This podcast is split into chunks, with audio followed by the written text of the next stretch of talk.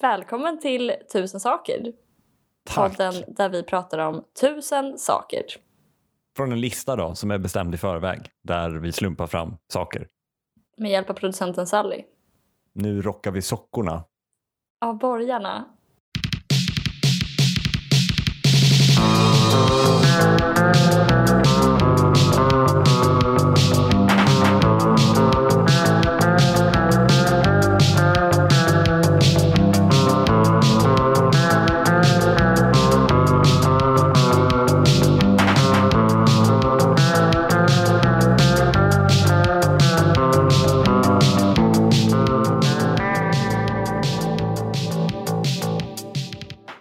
Nämligen köpt ett par jeans. Jeans. Wow, otroligt. Tack, tack. Nu kallar de mig för James Dean. Det förstår jag. Du är liksom utklädd till en 28-årig man. Exakt. Du har sovit i skogen ensam. Ja. Och eh, jag kan bara säga att det, det förändrade inte mitt liv och min person överhuvudtaget. Så det är noll karaktärsutveckling. För, för jag är ju en person som inte är ensam någonsin. Mm. Ehm, jag har inget behov av egen tid. Ehm, min egen tid består av att någon säger hej då till mig, de går, då tar jag upp min telefon och så ringer jag dig eller någon annan. Ja. Ehm, Men du menar att du, du genomgick ingen förändring på så vis att du hatade fortfarande att vara ensam efter en natt i skogen? Eh, ja, jag tänker att så här, både den här hösten och vintern har jag både vinterbadat utan bastu, som det heter så fint. Än så länge så finns det ju ingen kortform för det. Vubb känns lite... Vad sägs om förkylning? Nej, men jag vill bara säga det då att nu när jag har sovit själv i skogen under en presenning bara och vinterbadat att jag vill eh, statuera exempel för resten av befolkningen att man kan göra de här sakerna utan att totalt gå upp i personligheten ett med naturen. Ja, och att man kan göra saker eh, utan mål eller utan Mm. att det är för ens eh, personliga utveckling. Jag lärde mig ingenting om mig själv. Nej. Jag vet mindre om mig nu, skulle jag vilja påstå. Um, sen tittade jag också på Soran-dokumentären på min telefon. Mhm. Vad tyckte du om den?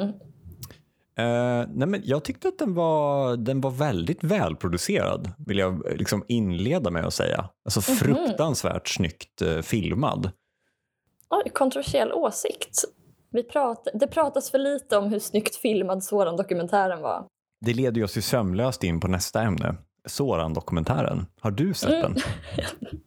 Ellens killproblem trodde jag det skulle komma till. Du träffade en känd komiker. Ja.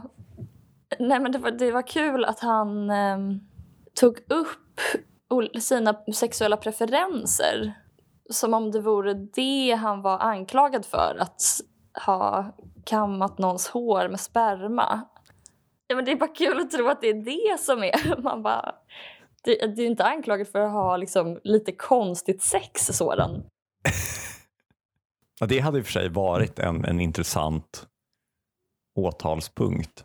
Ja, det är, liksom, det är nästa metoo-våg. Då är det bara så här en gång när man hade lite konstigt sex. Jag har också haft lite konstigt sex. Jag har också fått en golden shower. För alltså dokumentären är ju intressant av den anledningen att Soran är ju frikänd och borde ju egentligen inte ha några problem då. Men å andra sidan, han är ju liksom inte frikänd för saken har ju aldrig prövats för att den tog sig ju aldrig till domstol. Mm. Men nu i och med att han inte är dömd så kvarstår ju bara liksom ingen rök utan eld-tanken. Och då är han istället eventuellt, kan vara, vi vet inte, skyldig till någonting och på så sätt då skyldig till allting. Mm. Om oskyldig till detta, skyldig till vad? Som P.O. Enquist skriver om Strindberg. Alltså, det var en timme av att han inte sa någonting. Nej, Och eh, han s- gjorde en föreställning där han inte sa någonting. Framförallt sa han inte ett enda skämt. Nej, men det var ju, alltså som att det klipptes var ju så här obekväm tystnad. Uh, ett, ett skämt som inte flög om att folk undrar att han köpt hans tröja. Så här, jag vet att ni alla undrar en sak. Um, och det är vart jag har köpt min tröja. Den är från H&M.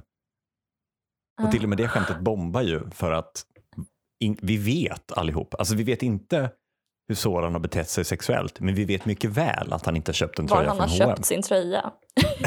ja. Han har liksom inte jobbat på ett år. Det är klart att om han har råd att inte jobba på ett år, att han inte köper en tröja på H&M. Jag tror att det här kanske är nyckelpunkten i den här dokumentären. Varför är alla tysta om det här? Mm. Varför går Kristoffer Appelqvist och spelar badminton med någon som skriver ett så dåligt skämt? Jag tror att det kan vara till hans fördel då att skriva ett så dåligt skämt för att han då kan bli dömd på riktigt för någonting så att misstankarna mot honom kristalliseras. Okej, Mm. han är den som skrev det dåliga skämtet om H&M. Mm. Vi hatar honom för det. Mm. Men då kan han ju börja göra bot och bättring. Kanske researcha vart människor som har råd att inte arbeta ett år vart de köper sina kläder. Jag vet inte. Problemet är att även där står ju ord mot ord. Mm. Alltså Soran kanske säger det var ett roligt skämt. Mm. Vi andra tycker att det är helt uppenbart att det var ett dåligt skämt. Men hur ska man eh, leda det i bevis? Alltså vi har ju ett eh, rättssystem som, eh, som sviker oss eh, humorälskare. Mm. Som inte står upp för eh, rätten till kvalitetshumor. Mm. Om och om igen så liksom läggs fall ner. Brottsligt eh, dåliga skämt går ostraffade. Utredningar läggs ner. Ord står mot ord. Bevisbördan kanske ligger på publiken. Man har ju hört om alla de här fallen där det faktiskt har kommit upp i domstol där man har frågat publiken vad de har haft för referenser med sig vid skämttillfället. Mm. Hade de med sig dåliga referenser? Var de på dåligt humör den kvällen? Skrattade de inte lite? Visade de eh, tydligt att det här inte var kul? Ja. Hade de druckit några öl för mycket? Den, den, även om vi, vi eh, har en lagstiftning på plats så, så det är inte alltid eh, tydligt att man har gått med på ett skämt eller inte. Och när skämtet väl är sagt, då är det sagt. Man kanske visar viss, ett visst intresse först för att få höra ett skämt. Mm. Sen visar det sig vid, vid punchlinen att det, det var ett tråkigt skämt. Då sitter man där och känner sig förnedrad och, och eh, sviken. Men man, man kanske går med på lite ordvitsar och där drar man sin gräns. Men sen så slider det, liksom, går det sömlöst över i fräckisar och då, Ja, när det är väl, skämtet väl är draget, då, det går inte att dra tillbaka. Nej, Man, nej, eh, man kan inte ta tillbaka ett skratt som man har gett. nej. Har du några killproblem den här veckan? Nej, men jag kan... Alltså jag har ett metakillproblem eller en, eh, en lösning på alla andra killars problem som kommer från min elaka kille. Mhm. Förra veckan pratade jag ju om incels och att de eventuellt motbevisar spelteori. Mm. Men då tydligen så kan man inte riktigt motbevisa spelteori eller Nash jämvikt. För att det, man kan alltid säga att de spelar ett annat spel. Mm. Eller beror på vad man har för spelregler så att säga. Mm. Eh, och det kanske man inte vet tillräckligt väl vad incels spelar för spel. De kanske spelar till exempel ett spel om eh, heder. Mm. Men då så föreslog min eh, elaka kille att eh, de kanske spelar ett sånt eh, combustion game, kallade han det. Jag vet inte om det är rätt begrepp. Va, vad Men, innebär eh, det? men han förklarade det som att i vissa situationer så kan man blocka... ehm, ja, men okej, men säg att det, det är liksom en brand. Eller säg typ i Sverige, sko, alla de här skogsbränderna i Sverige. Och då så ska ehm, det komma en massa aid, vad heter det? Vadå, hjälp? Hjälp. Åh gud, bott så länge i London och jobbat på American Apparel att jag har glömt det svenska ordet för hjälp. Då ska Italien skicka en massa Hjälp. hjälp. en massa plan som ska vattenbomba. Mm. Men då så skickar alla sina plan samtidigt och då ehm, så blockar de varandra eller liksom det blir eh, stopp i trafiken i luftrummet Mm. eller vad det heter. Mm. Eh, och då kommer inte hjälpen fram. Mm. Så att Du säger hjälp som att du liksom smakar på det. Som att jag har sett att, sagt att det heter kracker i brankelfnatt och du tror det fortfarande inte riktigt på att det är det det heter. Hjälp? Jag säger det med citationstecken. Ehm, den så kallade hjälpen, eh, som du väljer att kalla det. Ja, att det är det, i alla fall i den här filmscenen då i Beautiful Mind, att det är det de menar. Att de spelar den typen av spel där om alla skickar sin hjälp Mm. samtidigt så kommer ingen hjälp fram. Mm. Eh, sen hade han också ett förslag på lösning som är samma lösning som man har på um, Tragedy of the Commons. Känner du till det? Nej. Det är när... Um, alltså det betyder då det offentligas tragedi. Eller allmänningens tragedi. Och det är om det finns en offentlig eller en allmän sjö till exempel. Mm. så finns det ingen som har incitament att eh, hålla efter den eller ha hänsyn till hur mycket man fiskar till exempel. Så då leder det till miljöföroreningar, utfiskning, den typen av problem som uppstår när inte, ja enligt den här författaren då, jag kommer inte ihåg vad han heter, men det är när, när ingen har ägandeskap över sjön. Mm. Men då, till exempel, ett sätt att lösa det är ju att ha fiskekvoter. Mm. Eh, och det skulle man kunna ha då på Stacy. Men att all, säg alla killar i världen kommer överens om. De startar en branschorganisation. ja. Man får ett ligg med Stacy var. Allt det här tror jag vi kommer, måste klippa bort. Men Vadå, att, att du, du, du jämför kvinnor med naturresurser som behöver regleras? Punkt 657. Alla produkter som vill ha en plats i mitt bälte. Lugn nu. Ja, nu är det en gissningslek här för eh, våra lyssnare. Vem kan ha skrivit den här? Är det killen eller tjejen? Pausa podden Ja. och skicka era svar. Nej. Eh. Har eh, du varit med om det här? Att eh, du köper någonting och det kommer med en praktisk bälteshållare? Nej, Eh, för det jag har inget bälte. Nej, eh, nej då, då blir det ju ännu svårare. Mm. Det är, hur ska du få med dig alla dina saker? Kan man undra. Nej, för jag eh, har ju då, som jag, fram, kanske framkom tidigare, eh, är ute i naturen ibland. Och i princip alla produkter man köper kommer med en praktisk bälteshållare. Så att jag har allt från alltså, verktyg såsom multitool, spade, till mer udda saker som eh, bestick Mm. och eh, snapskoppar. Och Mm. jag funderar på, det här eh, gränsar väl lite till eh, spelteoridiskussionen vi hade tidigare, att man eh, kanske borde prata ihop sig lite om att ta fram andra förvaringslösningar för de här sakerna, för att så mycket bälte har jag inte. Jag ville bara säga det, att jag är, mitt bälte är fullt. Det räcker nu. Du har som en liten bastkjol av olika yxor och knivar. Jag får börja ha flera bälten. Ha, har du dina snapsglas i bältet? Mm, Och är det en hake för varje glas? nej, nej, utan det är som en, en, praktisk eh, väska där de ligger i, som man kan ha i bältet. Okej. Ehm, när, när jag är ute i skogen så har jag bara min kniv i bältet. Sexigt. Allt annat har jag i fickorna. Nej, men jag, jag tänker också att så här, hur, hur bra tror de att deras produkter egentligen är? Ja, det är väldigt gott självförtroende. Ja. Har de hört talas om väska? Var, var skulle man kunna, alltså vad finns det för andra klädesplagg man skulle kunna hänga fast en yxa på? Man kanske kan hänga den i slipsen. Bära allt runt halsen. Se alla mina saker. Är det därför det är bälteshållare på allt? För att jag ska kunna visa upp att jag har samlat snart alla friluftstillbehör.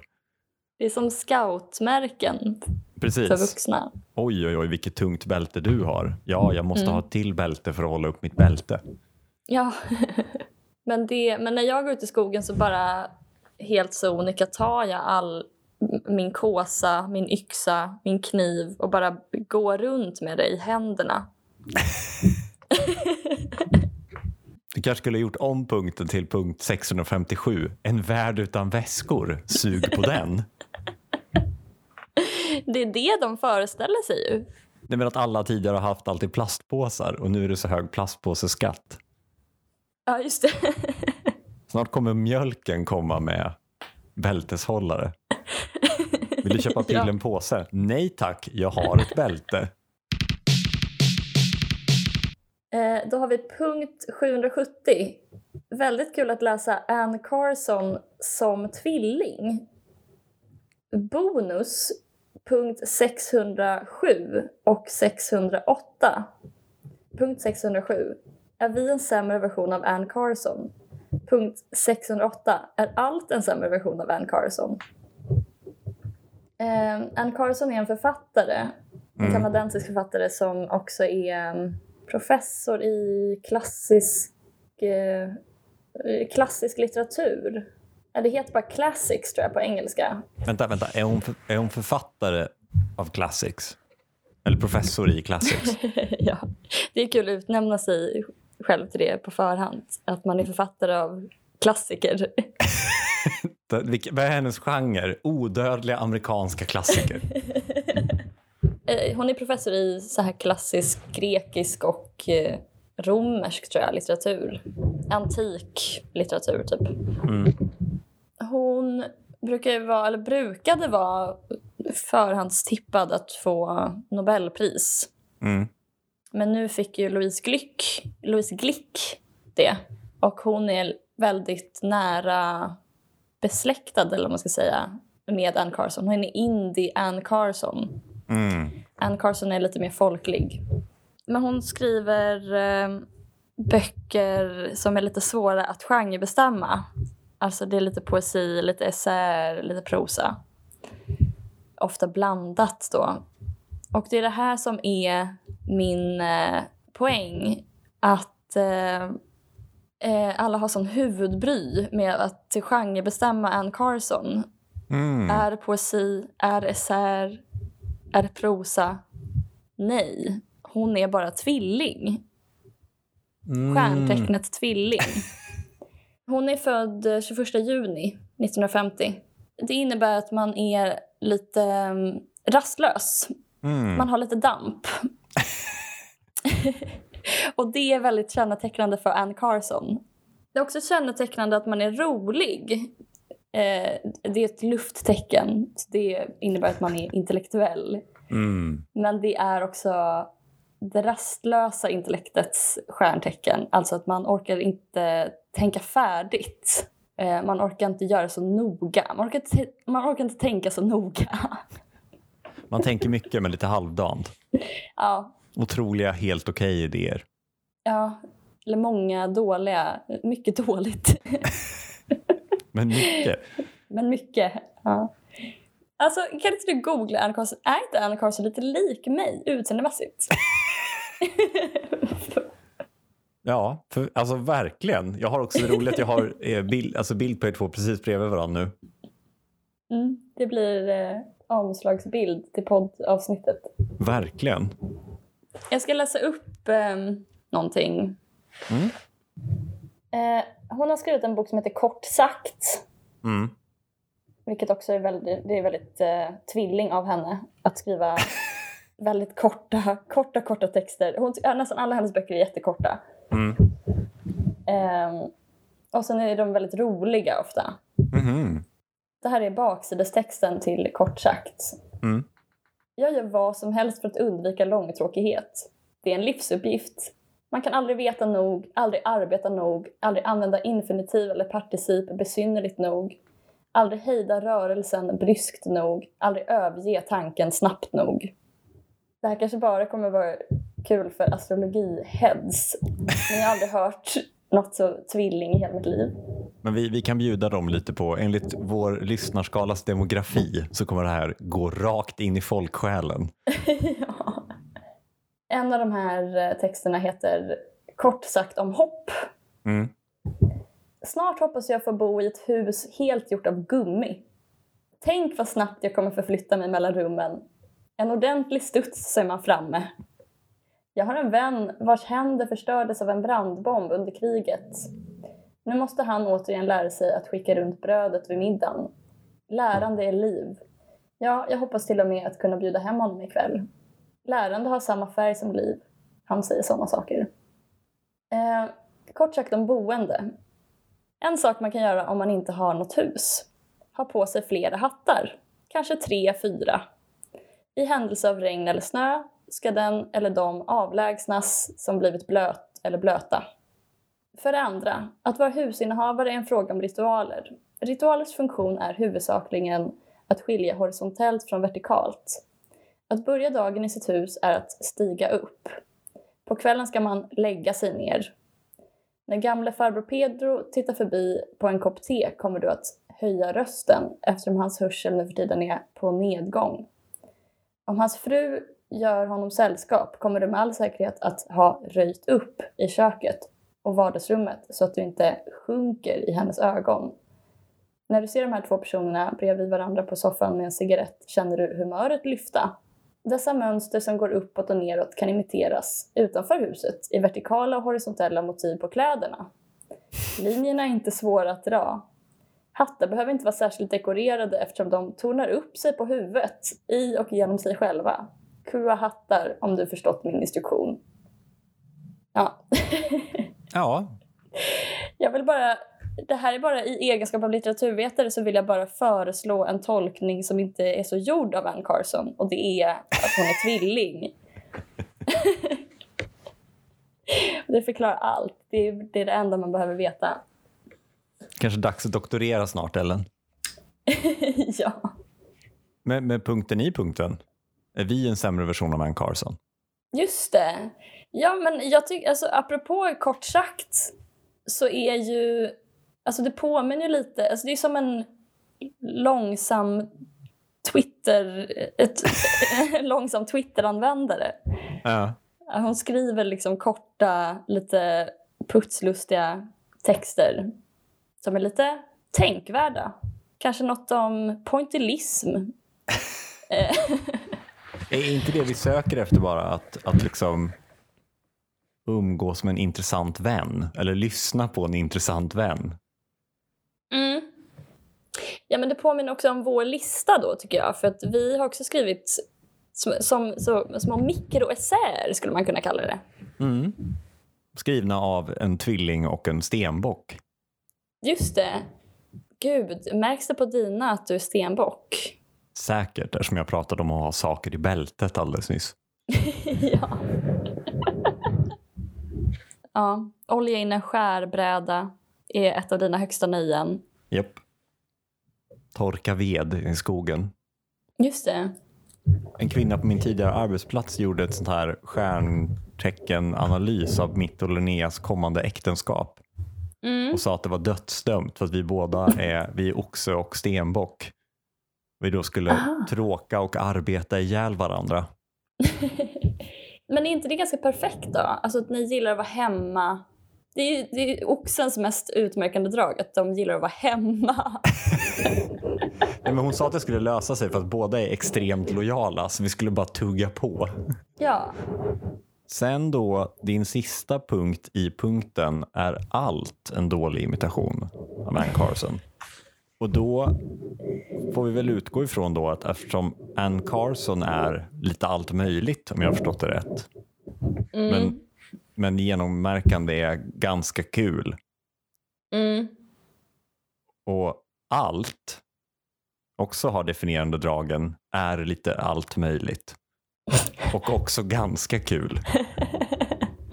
Så kan vi väl svara ja på den frågan. Är allt tvilling? Nej, du, du har väldigt eh, rätt i det. Eh, Väldigt rätt i din beskrivning av allt. Du har verkligen fångat allt. Alltså det är svårt att avvika från beskrivningen att det är lite allt möjligt. Ja, nej. Att, att avgränsa allt eh, är, är ju svårt av den anledningen. Eh, Mm. Till exempel så finns både Hjalmar Branting, bananer ehm, och Ann Carson i allt. Mm. Småsten, Småsten. gråsparv, Kinderägg, Mm. Voi. Hunden Saluki. Jag kommer bara på bananer igen. Jag vet inte. Och fler banan. Matbanan. Nej, alltså det jag tänkte på var alltså, kanske att eh, saker och ting är lite snuttifierade, saker och ting Mm. har lite damp. Nu tänker jag mest på media Mm. och sociala medier kanske. Ja, du gör en viss avgränsning av allt från allt till den, soci- alltså, vad ska man säga, den offentliga sfären. Ja, precis. Okej, men den offentliga sfären är en en dålig imitation av Ann Carson. Alltså, och att det är, det är mycket så här att man ska ha en spaning, eh, kanske lite slarvigt hopvispad. Alltså nu pratar du ju om vår podd. Den punkten har vi ju redan gått förbi. Ja, ja, just det. Jo, men är inte vi något slags representation av ett medieklimat? Eller är det inte ganska typiskt folk att ha en podd? Med nya, nya heta takes på vardagliga ting. Mm. Det var att vi, vi i sann, sann millennial-anda har stekt upp det med lite systemkritik och socialdemokrati. Ja, precis. Serverar i ett kortformat. Det har nått ändå att eh, samtiden Ann Carsonifieras. Absolut, absolut. Jag, jag, nu när du har beskrivit, nu när jag vet vem Ann Carson är eh, och inte har läst en rad av kvinnan så kan jag ändå ställa mig bakom. Jag kan ha en åsikt i Mm. den här debatten nu. Blir sugen på att läsa. Mm. Det går väldigt fort att läsa. det är ett tips. Är det därför Ann Carson är så stor? För att Ja. eh, alla hinner? Verkligen. Alla är lika rastlösa som hon. Mm. Hon kom ut med en ganska bra bok. eh, Eller det, den är gammal. Det kanske till och med hennes avhandling som har kommit ut typ förra året på svenska. Mm. Som handlar om Eros. Mm. Det har väl kanske blivit lite populärt att börja prata om kärlek som inte bara en vara eller något man kan maximera eller effektivisera eller eh, också Mm. man inte heller kanske kan passa perfekt in i sitt liv alla gånger. Mm. Och det handlar den boken ganska mycket om. Att så här, den klassiska antika synen på kärlek är mycket mer att det är som en naturkatastrof nästan. Eller det är något som drabbar en, alltså någon som skjuter en pil. Och att det är bitterljuvt. Mm. Alltså Eros liksom um, fuckar med en, så att säga. Eros eh, är en sån här mischief... eh, vad heter det? Förlåt, att jag, förlåt för att jag bott i, i London så länge. Hjälp! Bus, typ. Inte bus, men... Pillemarisk. Um, ja, men precis. Men han är en trickster, verkligen. En riktig skojare. Mm. Illbatting.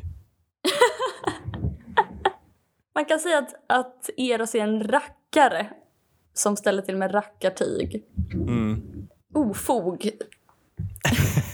ställer han till med. Nu har hon plockat fram synonymordlistan. Han har glimten i ögat. ja, jag försöker bara...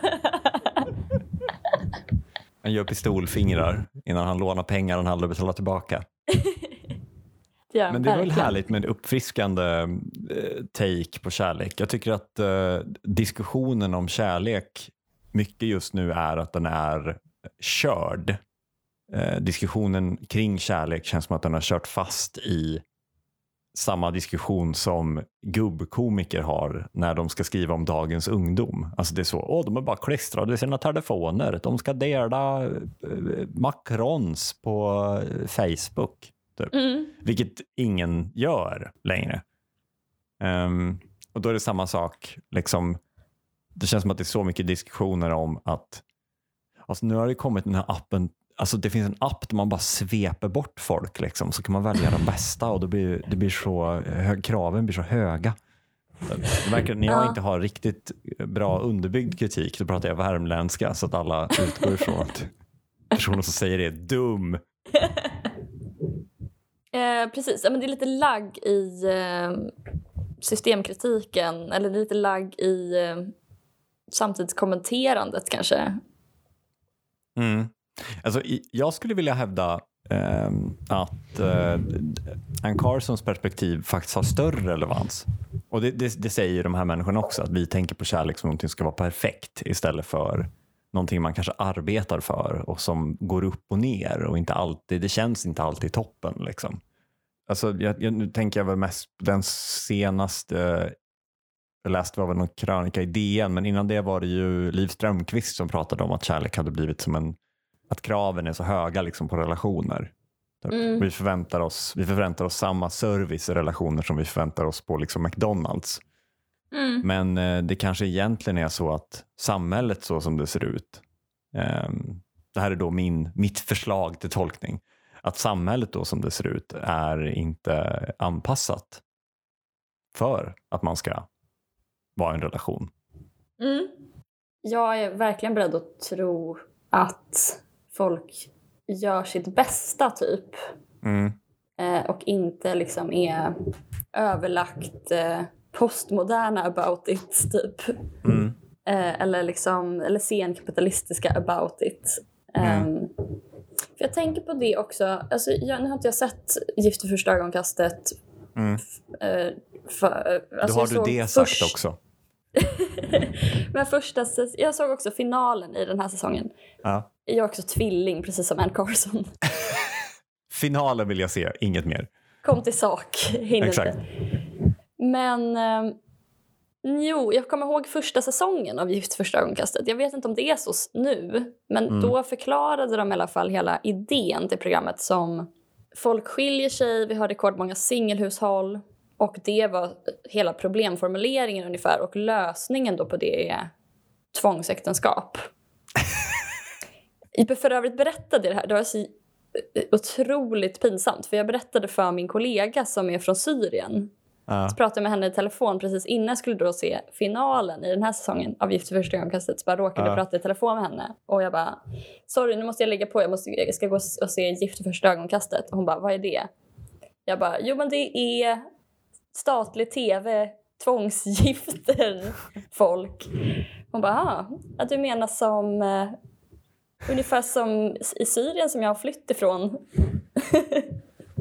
Men, då, men jag håller inte alls med om att det är ett problem. För jag tror att så här, eh, precis som Ann Carson då säger och Mm. som vi alla vet som någonsin har varit i en relation så är det jättejobbigt att vara ihop. Det är jättesvårt med kärlek. Mm. Och det är nog den främsta anledningen till att folk skiljer sig och lever ensamma. Mm. Om det är lätt att skilja sig utan att det får eh, stora ekonomiska konsekvenser eller en massa, man får massa sociala straff Mm. för det så är nog bara skilsmässotalen och singelhushållen precis vad de ska vara. Mm. Alltså det är bara ett uttryck för att folk gör slut när det är dags att göra slut. För man är fri att göra slut. Alltså det är Mm. liksom varken positivt eller negativt. Det bara är vad det är. Du menar det är som ab- aborttalet? Att så här, vi, vi, vid Ja. helt fri abort och liksom eh, minskat socialt stigma och sådär, då kommer liksom mängden aborter kommer alltid att vara perfekt. Ja, precis. Det är kul också för att det finns ju betänketid för skilsmässor. Jaha. Så det är kanske snarare för få skilsmässor om något. Det är också jättekul att så här, det är då staten kommer in. Alltså man, det är ingen betänketid på att gifta sig. Men, Vilket är kanske... Vilket vi endorsar i Gift vid första ögonkastet. Däremot skilsmässa, då är staten så här, app, app, app. Tänk ett varv till. Gå ett varv runt byggnaden och tänk igenom det här. Men alltså det, det är som en, en passus här bara. Det är som, eh, jag bor ju liksom i ehm, eh, det andra bibelbältet. Det här är ju liksom kyrkans huvudsäte så det, jag rör mig bland väldigt många kristna. Um, och en berättelse som jag liksom får från alla är att man gifter sig jättetidigt. Och, och det är väl inte så oväntat. Det gör man ju, då tänker man ju så här, ja men det är väl klart att alltså, unga kristna gifter sig jättetidigt. Mm. Men det alla lägger till sen är ju liksom för att få knulla. Och jag, jag tycker att det är, jag vet inte, jag tycker att det är väldigt kul. För jag har alltid, alltså man, när man liksom har hört att så kristna gifter sig tidigt så har jag alltid tänkt att så här, ja, men det är för att de är kristna och vill gifta sig. Men Ja. då, där har man ju satt ett, en spärr på knull. Så att så här, du måste gifta Ja. dig för knull. Det är jättekul. Alltså jag eh, är verkligen för det, att ha sån inramning till sitt ligg. Du kanske att är man lite gör en avundsjuk. så stor grej av det. Att man bara går, i- går i kyrkan varje söndag, eh, läser Bibeln, jag vet inte, sjunger salmer som bara en fond till sin eh, sexualitet. Men gud, det kanske är vi som har helt fel, vi okristna som ligger till höger och vänster. Vi, Ja. det är vi och liksom inte Tinder och sådär som urholkar kickarna man får av ett ligg. Typ. Om du Mm. vet att, att någon liksom så gärna vill ligga med dig att de lär känna dig, sparar en massa pengar, bokar en kyrka och anordnar en lagar massa mat, skickar ut Ja. inbjudningskort, köper nya kläder och klipper håret och bjuder in mormor och morfar. Så alla får titta på att snart, vi har samlats här idag för att möjliggöra ett knull. Hela familjen applåderar, jublar, det kastas ris. Förspelet, ja det var tre och ett halvt år när vi gick på en massa dejter. Och det måste ju vara på allas eh, mind. Förlåt för att jag har bott i London. Ja men även mormor och morfar vet det ju. ja, det är det enda de de, kan där. tänka på. Varför gör inte vi det här Ellen? Varför ramar inte vi in vår sexualitet på det här otroliga sättet? Man binder fast några burkar bakom bilen. Ja. Här ska det hem och dansa sänghambo, står sprayat i bakrutan. Uh, thank you very much for this uh, podcast. Thank you. We, uh, we come out every Tuesday. Um, ja, lagom, för det finns ju inget ord på andra. Skoja. Um, just in time for, um, for your morning run. Att six, vad blir det då? PM eller? AM. AM? Det är after midnight och before midnight. Producent är Sally Eriksson. Ansvarig utgivare Ellen Theander. Medverkande Kim Johansson och Ellen Theander. Vi hörs nästa vecka. Talk to you next week. Best regards. Best regards.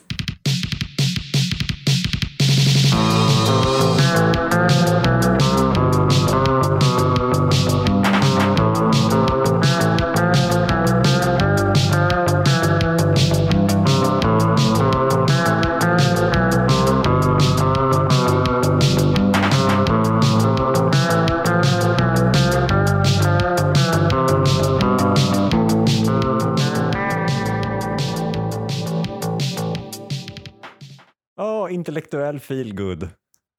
ja. Jag tycker det är så bra. Det, vi måste ha det som Vem var det som sa det? tagline. Elsa. Elsa, hälsa, är- hälsa Elsa. Ja. Varför heter alla dina eh, kompisar så gamla? Tvåstaviga. Nej, men de, alla heter ju liksom, antingen så heter de typ Elsa, Astrid, Just det. In, Inga-Britt. Mm. Eh, Inga har du säkert någon kompis som heter. Eller så heter Nej. de typ Vinägrett. Eller Volmar. Xerxes. Dina heter David, De heter David, Peter, Paulus. Jocke med kniven. Pess i huvud, sket i handfatet, dansa med mig, Lellebagaren. Tjuven i Bagdad.